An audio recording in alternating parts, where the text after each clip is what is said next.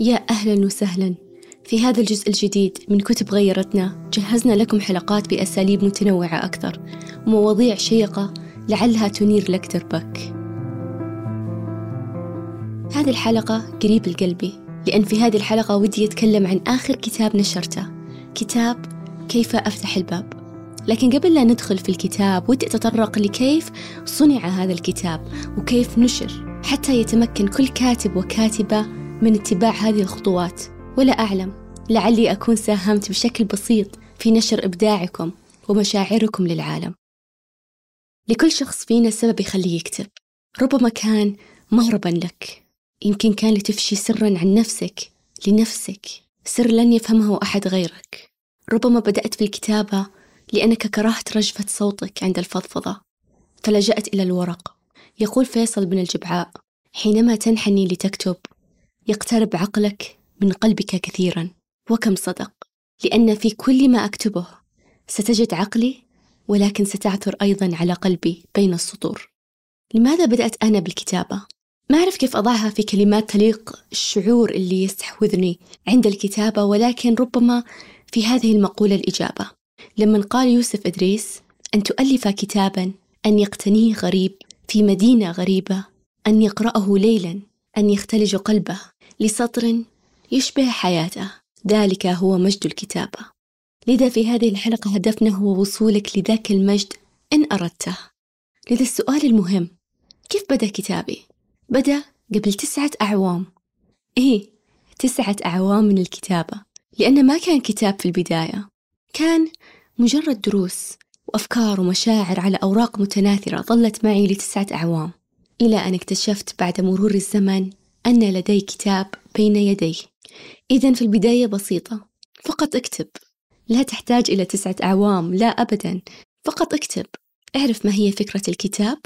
ماذا سيشعر القارئ بعد إنهاء كتابك؟ ما هو أثرك من هذا الكتاب؟ هل هي رواية؟ لتساعد القارئ في الهروب من الواقع إلى عالمك المحكوك بدقة. هل هو شعر ومشاعر كتبتها في منتصف الليل؟ هل هو بحث معلومة أو استراتيجية؟ اعرف فكرتك. واكتب وهناك أمر مهم جدا لازم أتطرق له وهو أنك قد تصل لمرحلة تشعر بأن ذهنك توقف عن التفكير والإبداع. لكن لا تقلق كلنا نمر بها والتي أطلق عليها مسمى writer's block وهو انحصار الكاتب. وهي حالة تسبب عدم القدرة على التفكير فيما يجب كتابته أو كيف الاستمرار في الكتابة وغالبا ما يكون لها عوامل مختلفة ولكن من الأغلب يمكن تقسيم العوامل إلى فئتين رئيسية. التحفيز أو الإلهاء والقلق من الكتابة. فإذا مررت بها لا تقلق يا عزيزي الكاتب. فقط خذ خطوة للوراء. تنفس واعمل في إحدى النصائح التالية. عزز مساحة العمل الخاصة بك. بغض النظر عن بيئتك اجعلها المكان الذي تريد أن تكون فيه. تخلص من الفوضى اجعلها مكان مريح ويبعث السرور والإلهام. وضع في اعتبارك الوقت اللي تكون فيه أكثر إنتاجية في اليوم. إذا ما كنت شخص صباحي لا تحاول الكتابة في الصباح. خطط للوقت وابني عادة.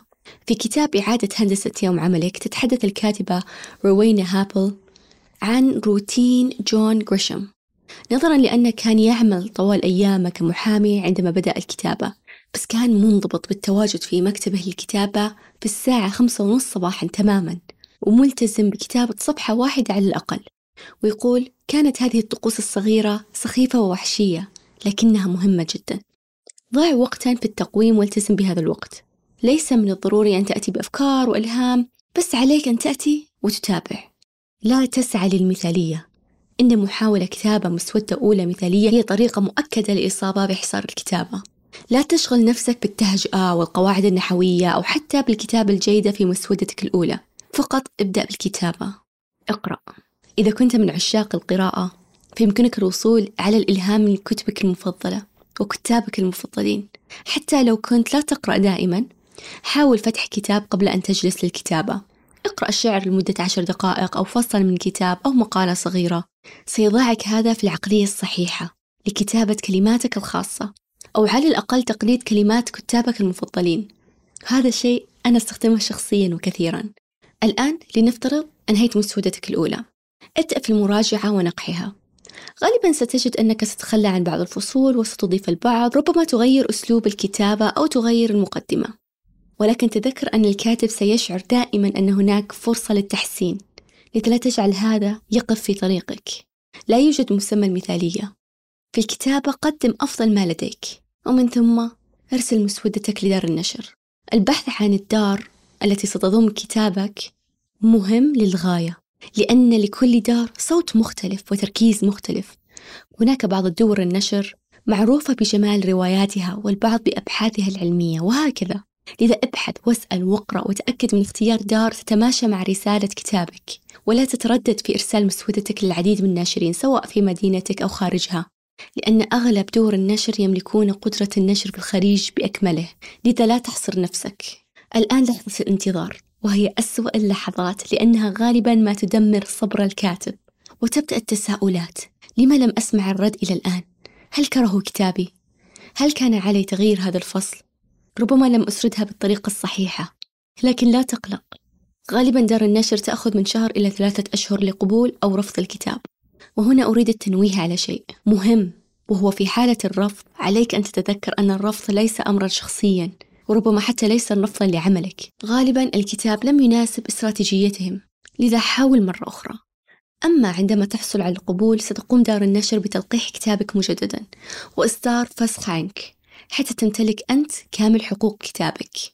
وبعض الدور النشر قد تطلب دفعة أولية من الناشر وتكون بناء على عدد الصفحات وعدد الطبعات.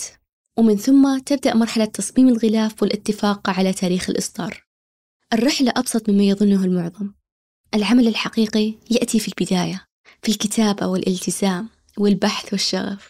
هنا العمل الحقيقي وهنا الجهد لأنها مسؤولية عظيمة فأن تضيف أمرا للقارئ. فليكن أمرا عظيما. وهكذا نشرت أنا كتابي. وأتمنى عندما تسنح لك الفرصة أن تقرأ شيئا منه. ربما ستجد ذاتك فيه وربما فكرة جديدة. في كتابي كتبت لك رحلتي. أمضيت تسعة أعوام في رحلة التعافي الداخلي والبحث المستمر في فهم الرضا. كيف يعيش الإنسان برضا تام؟ كيف يجد الراحة والسكينة بنفسه؟ وكيف يحقق أحلامه؟ من أنا حقا بلا ضجيج العالم؟ بين دفتي هذا الكتاب أخبرتك بإصراري وتجاربي ودراساتي التي أمضيت أعواما في جمعها وخوضها. لذا إذا قرأته فأتمنى أن يكون هذا الكتاب شافيا لك كما كان لي. أتمنى أن تجد تفاصيل منك بين صفحاته وترى مشاعرك تسرد بين كلماته. أتمنى أن تشعر بالانتماء وأن تتخلى معي عن الأقنعة التي لطالما اختبأنا خلفها. هذا الكتاب كتب لي ولك. سنمشي في طرق الفكر والروح ونلمس عقلك الواعي واللاواعي. في الكتاب وضعت حياتي ورحلتي بين يديك. وضعت أفكاري وخواطري وتجاربي بين يديك. لأنني على يقين تام أن الرحلة التي خضتها أنا قد تكون أنت على طريقها الآن. وربما مررت بها يوما ما وربما ستمر بها لاحقا. لذا يا صديقي الكاتب الإلهام في كل زوايا حياتنا في كتاب جديد حوار عميق وقت مع صديق. الإلهام يأتي من كل زاوية في يومنا إذا حقا نظرنا. لذا إذا أردت أن تنضم لكتاب العالم ها هي علامتك للبدء. ابدأ.